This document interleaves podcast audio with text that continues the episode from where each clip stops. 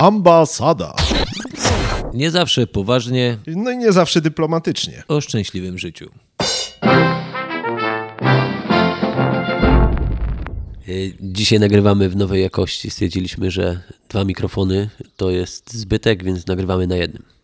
Ale wy i tak tego nie zobaczycie, więc możemy uda. Właśnie mnie nie słychać. No właśnie. E, Czekaliśmy długo z nagraniem, bo zastanawialiśmy się, co może być dobre i stwierdziliśmy, że najlepsze, co będzie, to właśnie Wielki Post. E, Zaczął się e, i razem z nim mamy dla Was propozycję. Będzie seria. Będzie seria wielkopostna z gościem, który tak naprawdę razem z nami rozpoczął ambasadę i na dodatek dzisiaj da jeszcze posłuchać coś więcej niż tylko nasza rozmowa. Myślę, że y, każdy znajdzie coś dla siebie. Y, mimo tego, że rozmawiamy z jezuitą, y, większość rozmów, które chcemy przeprowadzić, a na pewno w tym odcinku, y, myślę, że nawet anonimowi chrześcijanie mogą odsłuchać, czyli ci, co uważają, że nie do końca wierzą albo w ogóle nie wierzą, bo myślę, że tam jest dużo głębokiej prawdy życiowej. Chyba jest, nie? Jak dobrze poszukać, to trochę, e, trochę znajdziemy. E, Tym bardziej zaczepnie e, tytułujemy ten odcinek Po co nam Wielki Post? A odcinki te powstaną też troszkę niekonwencjonalne, bo w, niekonwencjonalnie, bo w partnerstwie z naszą młodszą siostrą podcastową, czy bratem, z naszą młodszą siostrą podcastową, czyli z, z siostrą RC-tką, do której link w opisie podajemy i pozdrawiamy też społeczność, Was, którzy będziecie słuchać tego podcastu również w ramach y, Rób to, co kochasz.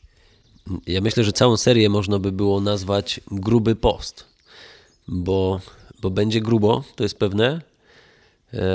Natomiast chcemy, żeby tam była też inspiracja. Ważne, że jak wiadomo, no, pewnie teraz większość z Was, i mówię teraz do kolegów, y, słuchacie nas zmywając albo pakując pranie, ewentualnie robiąc zakupy zaraz po tym, jak wyprowadziliście dzieci do przedszkola. Więc czas na refleksję. Może coś w tym poście jednak odwrócić. Nie w końcu żona stanie przy garach, a wy się zajmijcie czymś bardziej pożytecznym. No ale to w takim razie e, dobrego odbioru i do następnego odcinka. A no jeszcze Krzychu zapomnieliśmy powiedzieć, że dla tych wszystkich grubych w poście, którzy dotąd zbierali y, sprawności, a okaże się, że nie o to w poście chodzi, będzie też mały fitness. To dokładnie. Nie wysyłajcie żony na fitness, tylko y, odsłuchajcie, sami się wysilcie i skorzystajcie. Tyle dostaniecie, ile spróbujecie wziąć. Powodzenia. Do usłyszenia. Do usłyszenia. To co panowie? Kolejny wielki post. Właśnie, że nie. Nie kolejny, tylko ten właściwie, właściwy, jedyny Wielki Post. Nie ma kolejnych. To jest teraz ten czas, nie? Więc żeby nie patrzeć w kategoriach, że rok temu był jakiś post, teraz jest i w przyszłym roku też będzie, nie? Tylko, że to jest ten moment. To tylko wtedy, myślę, ma taki najgłębszy sens i szansę, by się coś niezwykłego wydarzyło. No właśnie, a po co nam w ogóle wielki post? Po to, żeby się zatrzymać i usłyszeć głos Pana Boga, który y, przypomina mi skąd pochodzę, nie? a pochodzę z ziemi rajskiej, z Edenu. Nie? Ten proch, jak to ostatnio słyszałem, mówił jeden ze znanych dominikanów, ten proch, który jest w środę popielcową wsypany na głowy, to jest proch ziemi rajskiej, do której wrócę, nie? w proch się obrócisz.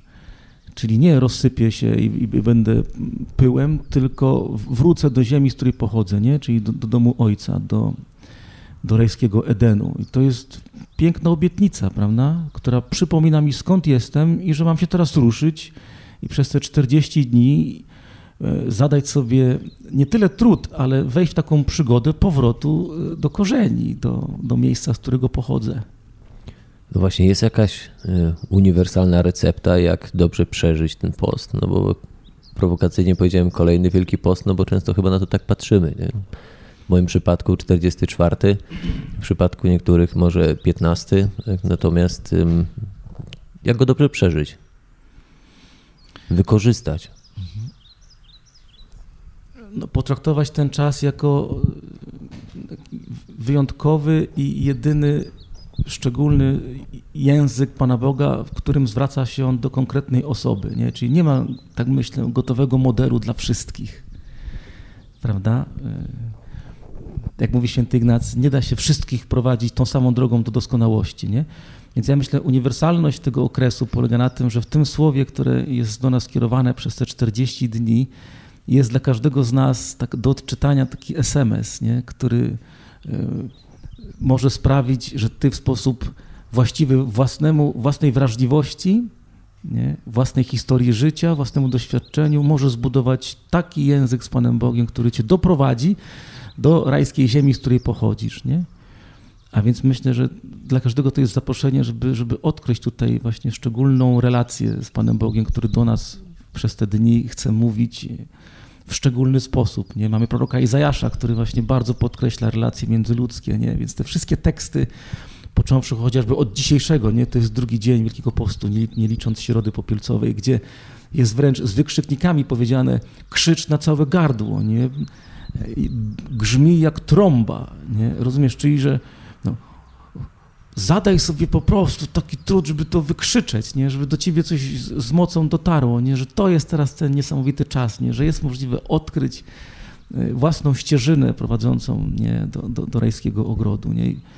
No, mi się wydaje, że to jest bardzo przepiękna szansa, którą daje nam Pan Bóg, nie? właśnie teraz, e, w tym roku, w tym czasie, wchodząc konkretnie w nasze życie, w naszą historię życia, w naszą sytuację, w której jesteśmy.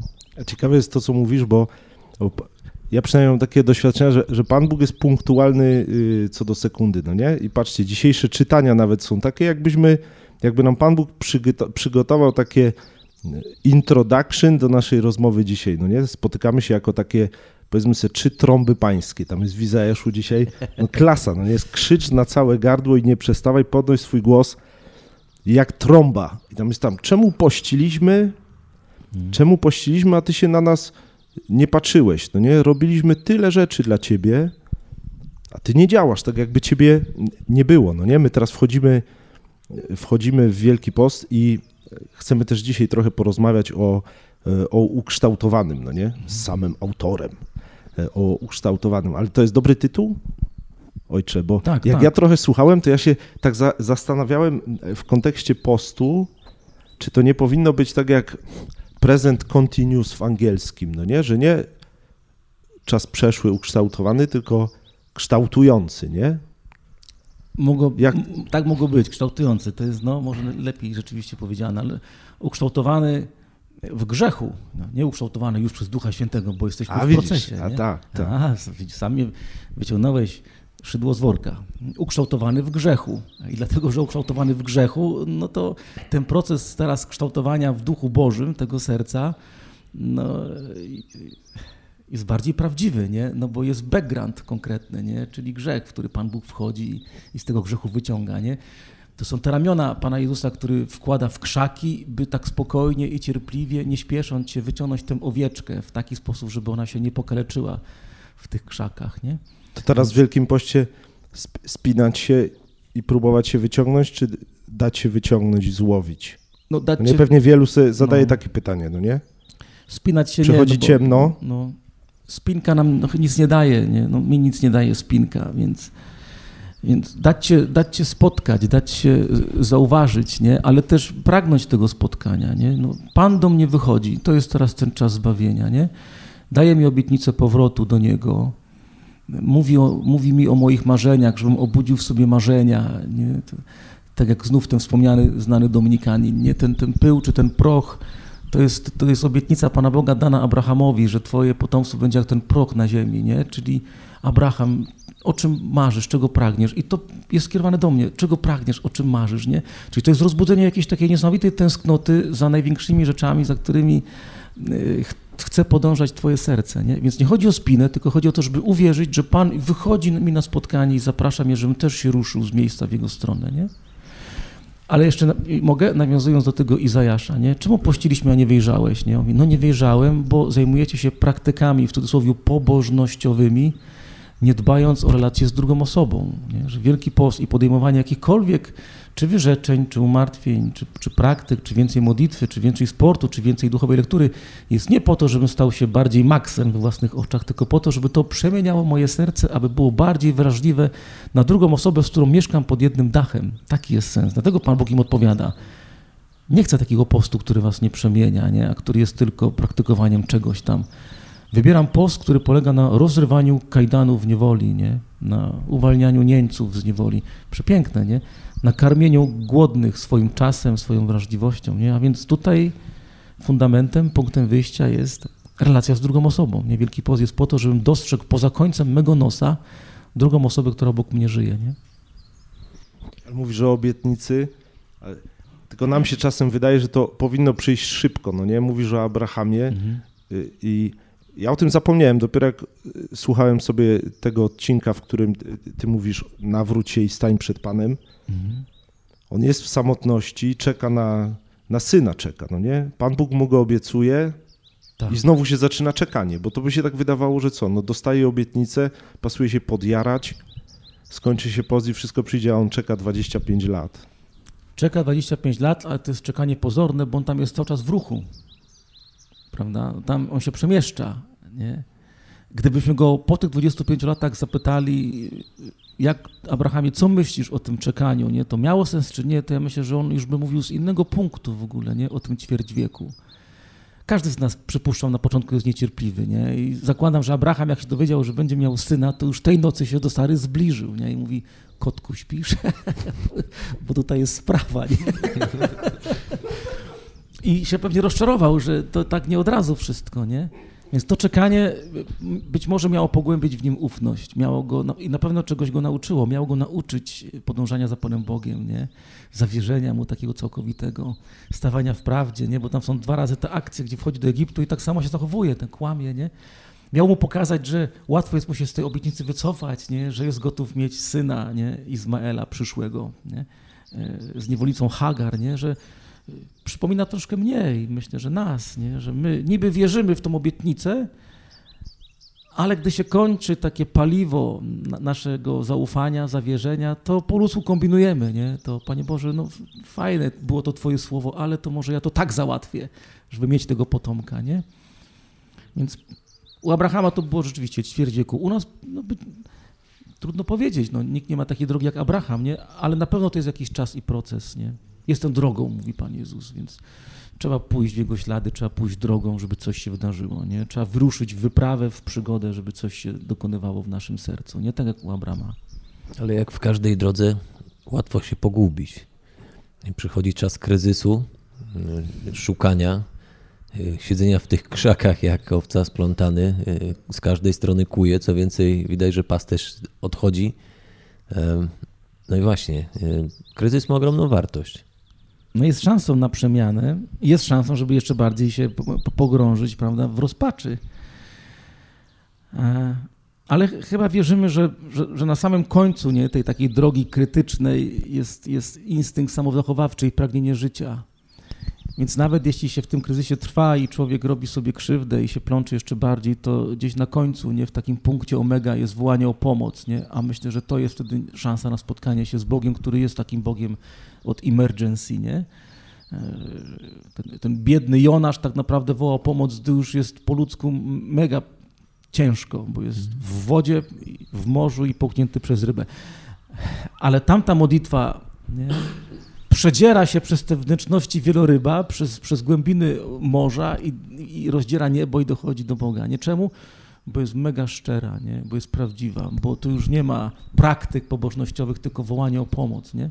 a takie wołanie zawsze jest słyszalne nie? przez Pana. Czyli można powiedzieć, że kryzys y, pomaga nam spojrzeć szczerze na sytuację i otworzyć się, zdjąć maski, tak? Czyli... Nie wiem, czy wszystkim pomaga, mi pomaga. Bo... Mi też, więc zakładam, że już jest, jest całkiem sporo. Może, może tak być, nie? ale znów tu chyba nie ma takiego modelowego przeżywania kryzysu. Ludzie sobie różnie z tym radzą. Niektórzy sobie może nie radzą i, no i dlatego mamy choroby psychiczne, uzależnienia od różnych rzeczy nie? i gdzieś poplątanie w grzechu i takie doświadczenie ogromnie wielkiej bezradności, nie? bo może nie ma jeszcze tego wołania, nie? więc Myślę, jest... że to jest łaska, że ktoś w mhm. kryzysie zaczyna się zwracać do Pana Boga, ale nie wszyscy się zwracają też. Nie? No właśnie, a nie jest to tak, że czasami, e, myślę nawet może często, e, mamy jakiś plan na siebie, o coś Boga prosimy, o coś się modlimy, tak jak z tym Abrahamem, nie? o syna, no ale właśnie przychodzi czas, a nie ma tego, o co prosimy. Co więcej, wydaje nam się, że dzieje się wręcz odwrotnie. Można jakby po ludzku mówić na złość, tak? Zupełnie odwrotnie. No i teraz właśnie, czy ta złość nie jest takim mechanizmem obronnym? No bo czy można po ludzku mówiąc Bogu wygarnąć, tak? Na zasadzie, no panie, ja tutaj do ciebie cały czas wznoszę ręce i, i modlę się, a, a, tego nie ma. Bo druga, druga postawa to jest pewnie apatia na zasadzie, okej, okay, nie działa, nie wiem, rezygnuje, wycofuje, przestaje się modlić. Czy ta złość nie jest takim pozytywnym mechanizmem obronnym do tego, żeby faktycznie tą relację z Bogiem zrobić bardziej żywą, bardziej dynamiczną? Może być, ale może być także apatia taką, taką drogą, no bo w sytuacji trudnej taką duszę e, prąd czy fala nie zabiera i, i, taka osoba dryfuje w jakąś tam stronę, czy apatii, czy, czy, czy właśnie pewnej narastającej złości, nie? Ale na końcu, myślę, tego dryfowania e, jest w końcu jakiś odruch taki samozachowawczy, nie? Takiego wołania o życie, walki o życie, nie? E, więc ja, no tak patrząc na moje doświadczenie duchowe, które już troszkę trwa, doświadczyłem i apatii nie, w różnym tam etapie mojego życia, i takiego rozgoryczenia, i też złości. Nie?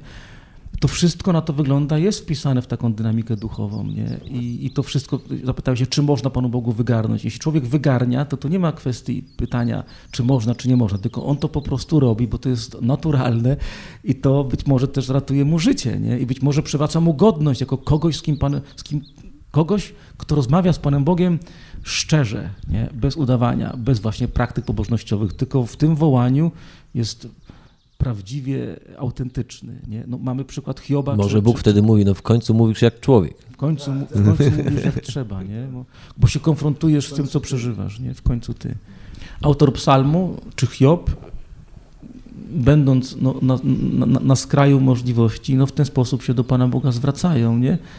Czy mu wygarniają? No tak to można określić, ale przede wszystkim no, w tej swojej bezradności mówią dzieląc się swoimi emocjami, mówią to, co czują, co przeżywają, co ich boli, z czym sobie nie radzą, nie? Wołają o pomoc między wierszami. No dobrze, ale e, żeby nie opowiedzieć o, o książce, tylko dać tak naprawdę możliwość też odsłuchania chwili z konferencji, gdzie ta książka powstała.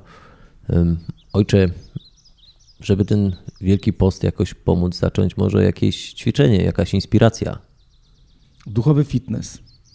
Bardzo dobrze. To bardzo, bardzo zapraszam i zachęcam do króciutkiego, fitnessu na początku, żeby się człowiek, żeby na, zakwasów się nie, nie nabawił. Przypuszczam, że słuchacze mają w domu Pismo Święte. Można otworzyć na psalmie 103. On jest długi, ktoś sobie pomyśli, taki długi psalm na początek? Nie. Pierwsze pięć wersów. Tylko pięć? Tak. Nie? Błogosław duszu moja Pana i tak dalej. Przepiękne.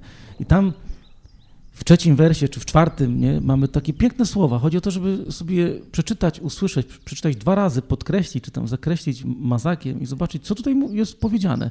On odpuszcza wszystkie twoje winy. Co? Wszystkie? Mhm. Leczy wszystkie twoje niemoce. Czyje? Moje? Wszystkie? Ale zobaczcie to. Życie twoje wybawia od zguby. Ujacie. I dalej piąty. On twoje dni nasyca dobrami. Odnawia się młodość twoja.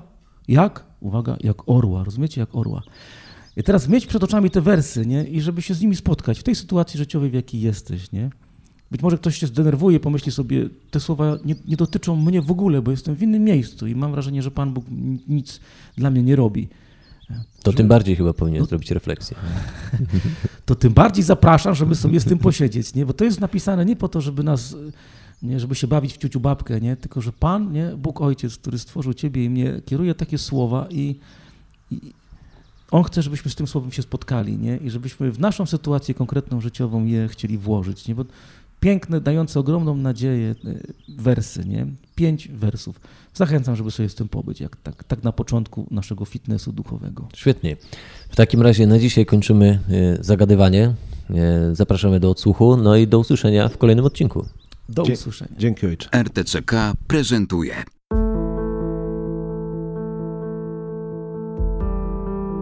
Ojciec Wojciech Kowalski.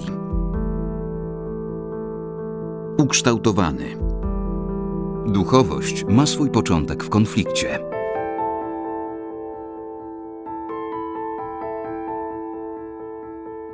CD1. Część pierwsza. Uczeń w ciemnej dolinie. Witam serdecznie. Jeśli mogę mieć takie życzenie, a mam, to je wyrażę teraz na głos. Kieruję je do Was, ale także do Pana Boga, bo wierzę, że nas słucha. Mm. Że bardzo bym sobie życzył, żeby podczas tego wieczoru On po prostu dotknął nas, Ciebie i mnie. Ja tego bardzo potrzebuję, bo jestem w takim teraz miejscu, w takim okresie mojej wędrówki i relacji z Panem Bogiem, że bardzo by mi się to przydało, ale myślę, że nie jestem odosobniony. Także to jest takie życzenie skierowane do niebios i, i do Was. Słyszałem, że gdy się odmówi chociaż raz, gdy się chociaż raz człowiek zwróci do Matki Bożej, to uciekają demony, więc y, to taka propozycja, możemy zacząć od Zdrowaś Mario, żeby wszystkie demony, jeśli są jakieś tutaj, żeby pierzchnęły, e, żeby Najświętsza Panienka też z nami tutaj była, aby ta konferencja była na chwałę Pana Boga i z pożytkiem dla nas, takim doczesnym i wiecznym. Także zapraszam do wspólnej modlitwy. W imię Ojca i Syna i Ducha Świętego. Zdrowaś Mario, łaski pełna, Pan z Tobą, błogosławionaś Ty między niewiastami i błogosławiony owoc żywota Twojego Jezus. Święta Mario, Matko Boża, módl się za nami grzesznymi, teraz i w godzinę śmierci naszej. Amen. Królowo pokoju, w imię Ojca i Syna i Ducha Świętego. Amen. Ten tytuł jest bardzo przewrotny i, i troszkę taki jezuicki, bo od listopada, kiedy z Marcinem spotykaliśmy się i mówiliśmy o tym projekcie, konferencji, to tak się właśnie on przewijał, profil ucznia, jak Pan Bóg działa w sercu człowieka. Ale jako, że jestem jezuitą i doświadczam bardzo tak ignacjańskiej duchowości na co dzień, a Ignacy w swojej książeczce ćwiczeń duchowych mówi o doświadczeniu strapienia i pocieszenia, o takiej dynamice bycia radosnym, a później bycia w takiej podróży przez ciemną dolinę, ten tytuł też ulegał zmianie i treść na konferencję dzisiejszą także. Tak się złożyło, że jestem teraz w drodze przez ciemną dolinę, a więc z perspektywy kogoś, kto przeżywa pewną trudność, będę mówił o treściach, które wierzę nie tylko mnie dotykają, nie tylko mnie dotyczą, ale także niejednej osoby, która jest tutaj na sali obecna. Ale patrząc na sam tytuł, można odnieść wrażenie, że oto przed wami staje ktoś, kto jest przez ducha ukształtowany. Byłoby to bardzo pyszne stwierdzenie, że ja jestem przez ducha ukształtowany.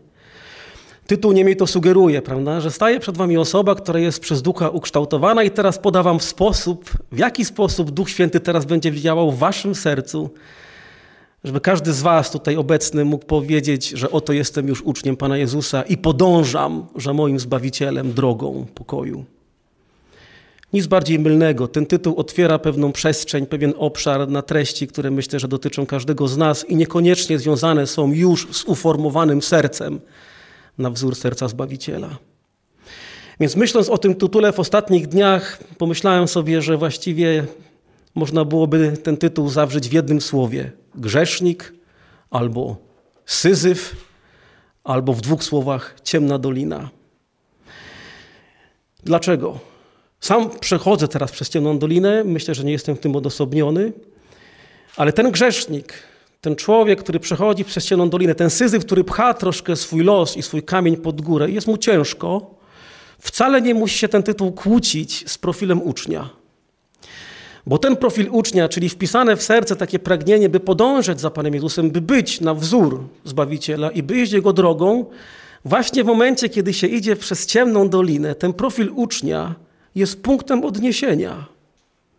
Jest takim błyskiem w czasie nocy. Jest latarnią w czasie burzy. I jest nadzieją w takim czasie wielkopiątkowej łzy samotności. Że człowiek, który przechodzi przez ciemną dolinę, czuje się jak syzyf, który pcha pod górę obecną swoją sytuację, nie przestaje tęsknić za tym profilem ucznia, który ma być ukształtowany przez Ducha Bożego. A więc punktem wyjścia dla tego profilu myślę, że może być po prostu kryzys, który poza wymiarem strapienia i smutku, ja myślę, że ktoś, chociaż, kto choćby raz przeżył taką sytuację kryzysu w swoim życiu, ten wie, że poza strapieniem i poza smutkiem i poza pewnym ciężarem, ten kryzys zawiera w sobie taką głęboką szczelinę, taką otwartość na przyjęcie przełomu w życiu. Przełomu w tej konkretnej sytuacji, w jakiej człowiek idący pod górkę jak Syzyf, czy przechodzący jak psalmista przez ciemną dolinę doświadcza i przeżywa. A ten przełom to jest wejście w nowy wymiar relacji z samym sobą, o wiele głębszy niż wcześniej. To jest wejście w nowy wymiar z drugim człowiekiem, no i ostatecznie z Panem Bogiem. Bowiem, gdy dochodzi do głosu taki kryzys i gdy człowiek znajduje się w punkcie przełomu, to myślę, że to, co się wykluwa wtedy w sercu, to bardzo konkretne, głębokie pytanie, które jest esencją właściwie duchowości w tym trudnym położeniu. Co to za pytanie? Czy Pan Bóg żywy jest obecny w moim doświadczeniu? Ja myślę, że to jest esencja duchowości. Czy Pan Bóg jest obecny w tym, co przeżywam? Kiedy myślę na przykład o siostrze Faustynie i o jej krótkiej modlitwie Jezu, ufam Tobie, to mam takie wyobrażenie, że ona wypowiadała te słowa nie wtedy, kiedy była w niebo wzięta, nie wtedy, kiedy miała pocieszenie, tylko wtedy, kiedy jej serce domagało się wiary w obecność Pana Jezusa w tej trudnej sytuacji, jaką ona przeżywała. I stać ją było tylko na Jezu, ufam Tobie. Ale to Jezu, ufam Tobie było poprzedzone pytaniem, czy Ty jesteś w tym, co obecnie doświadczam, przez co obecnie przechodzę? Skąd to pytanie? Bo gdy człowiekowi jest ciężko i gdy jest pod górkę, to on potrzebuje czuć, że nie jest w tym sam. Potrzebuje czuć, mimo wszelkich negatywnych emocji, jakie dochodzą do, głosy, do głosu, że jest w tym doświadczeniu cały czas bezwarunkowo kochany. I ja myślę, że to jest esencja duchowości. Z tego kontekstu, z tego przechodzenia przez ciemną dolinę, z tego kryzysu, który otwiera się na przełom i z tych konkretnych pytań rodzi się przecież znane powiedzenie: jak trwoga, to, hmm, to do Boga, bo do kogo? Pozornie to pytanie, które wydaje się, znaczy nie pytanie, tylko to powiedzenie, które wydaje się płytkie, ono ma w sobie ogromną głębię. Dlaczego? Bo ono w skrócie wyraża fundamentalną prawdę, że gdy w Twoje oczy, czy w moje oczy zajrzy strach, gdy Twoje życie, czy moje życie znajduje się na zakręcie, takim konkretnym, gdy czujesz, albo gdy ja czuję, że tracę kontrolę nad tym życiem, to w tej sytuacji z serca, z takiego miejsca pod pępkiem, Twoje najgłębsze myśli i pragnienia kierowane są właśnie w stronę Boga, który być może nie od razu odpowiada, ale kierowane są w Jego stronę. Gdy kończyłem moje studia w Dublinie, robiłem studia specjalizację z duchowości. I pamiętam, że na pierwszy wykład z duchowości przyszedł salezjanin, klasa liczyła może tyle osób, co tutaj, i on mówi, jest przynajmniej 40 definicji, czym jest duchowość, ale ja wam powiem tylko jedną. Studenci wyciągnęli notatki, byli gotowi zapisać to, co za chwilkę usłyszą. I ten wykładowca powiedział coś, co mi głęboko otworzyło oczy i co korespondowało z moją taką najgłębszą intuicją, bo on powiedział jedno zdanie, które było definicją idealną na temat tego, czym jest duchowość. Wyobraźcie sobie, studenci przygotowani do pisania czekają na nie wiadomo jaką mądrość, a on powiedział coś takiego. Spirituality begins in conflict. Duchowość ma swój początek w konflikcie. Proszę zobaczyć, jak to koresponduje z tym powiedzeniem, które znamy, nie? jak trwoga to do Boga. Tu się chyba wszystko zaczyna. Nie wcześniej, tylko właśnie w tym momencie. Popatrzyłem na, na, studentów, moich kolegów, którzy byli rozczarowani. No jak to, ty, tylko tyle? A on zapytał się, do you understand? Nikt tego nie rozumiał. Ja byłem wpatrzony w niego, bo czułem, że trafia w sedno. Duchowość ma swój początek w konflikcie. I podał przykład. Jonasz. Kiedy Jonasz zaczyna się tak naprawdę modlić? On nam to wyjaśnił i, i dla wielu z nas stało się to o wiele jaśniejsze właśnie przez konkretny przykład proroka, który w konflikcie swoim wewnętrznym doświadcza otwartości na Pana Boga. Jonasz zaczyna się modlić, kiedy jest w sytuacji po ludzku beznadziejnej. Nie dość, że jest wrzucony do morza, które dla Hebrajczyków oznaczało rzeczywistość pełną demonów, rzeczywistość, która jest nie do skontrolowania przez człowieka, rzeczywistość beznadziejną. Jeśli ktoś jest do morza wrzucony, to już po nim. To dodatkowo jeszcze jest połknięty przez rybę. Jak gdyby autor chciał, autor chciał powiedzieć, gorzej być nie może. Ale co Jonasz robi w tej sytuacji? Mówi takie oto słowa. Po raz pierwszy w tej księdze nie? otwiera się na Pana Boga i jego myśli najgłębsze, te spod pępka, kierują się w jego stronę. W utrapieniu moim wołałem do Pana. Dopiero wtedy, nie wcześniej. Wcześniej, jak znamy historię Jonasza, to on ucieka. Nie chce mieć nic wspólnego z Panem Bogiem, który mu nakazuje. Wysyła go do pewnej misji. Nie? W utrapieniu moim wołałem do Pana, a On mi odpowiedział. Gdzie dochodzi do spotkania z Panem Bogiem? W którym miejscu życia Jonasza? W punkcie najbardziej krytycznym, tam, gdzie niżej się już nie da. Zobaczcie, to jest druga księga Jonasza. Ta modlitwa Jonaszowa jest bardzo długa, ale jakie tam padają wersy? Wersy, które są naprawdę kwintesencją modlitwy. On się nie rozwodzi zbytnio. On mówi słowa, które mają konkretny wymiar i ciężar, konkretny kaliber. Wers ósmy drugiego rozdziału Księgi Jonasza. Gdy gasło we mnie życie. Nie do pozazdroszczenia, ale te doświadczenia duchowe są częścią życia duchowego i częścią kształtowania się profila, profila, profilu ucznia. Bez tego na to wygląda, ten profil ucznia byłby nie do końca wyrzeźbione tak jak należy. Że to strapienie to położenie w najbardziej krytycznym punkcie, jakby się mogło po ludzku wydawać, jest potrzebne i jest częścią dynamiki stawania się uczniem, który jest posłuszny, czyli co? Daje posłuch słowu. Gdy gasło we mnie życie, Przypuszczam, że po ludzku nikt nie chciałby się z nas znaleźć w takim punkcie życia, w którym czujesz, że gaśniesz. Gdy gasło we mnie życie, wspomniałem na Pana, a modlitwa moja dotarła do Ciebie.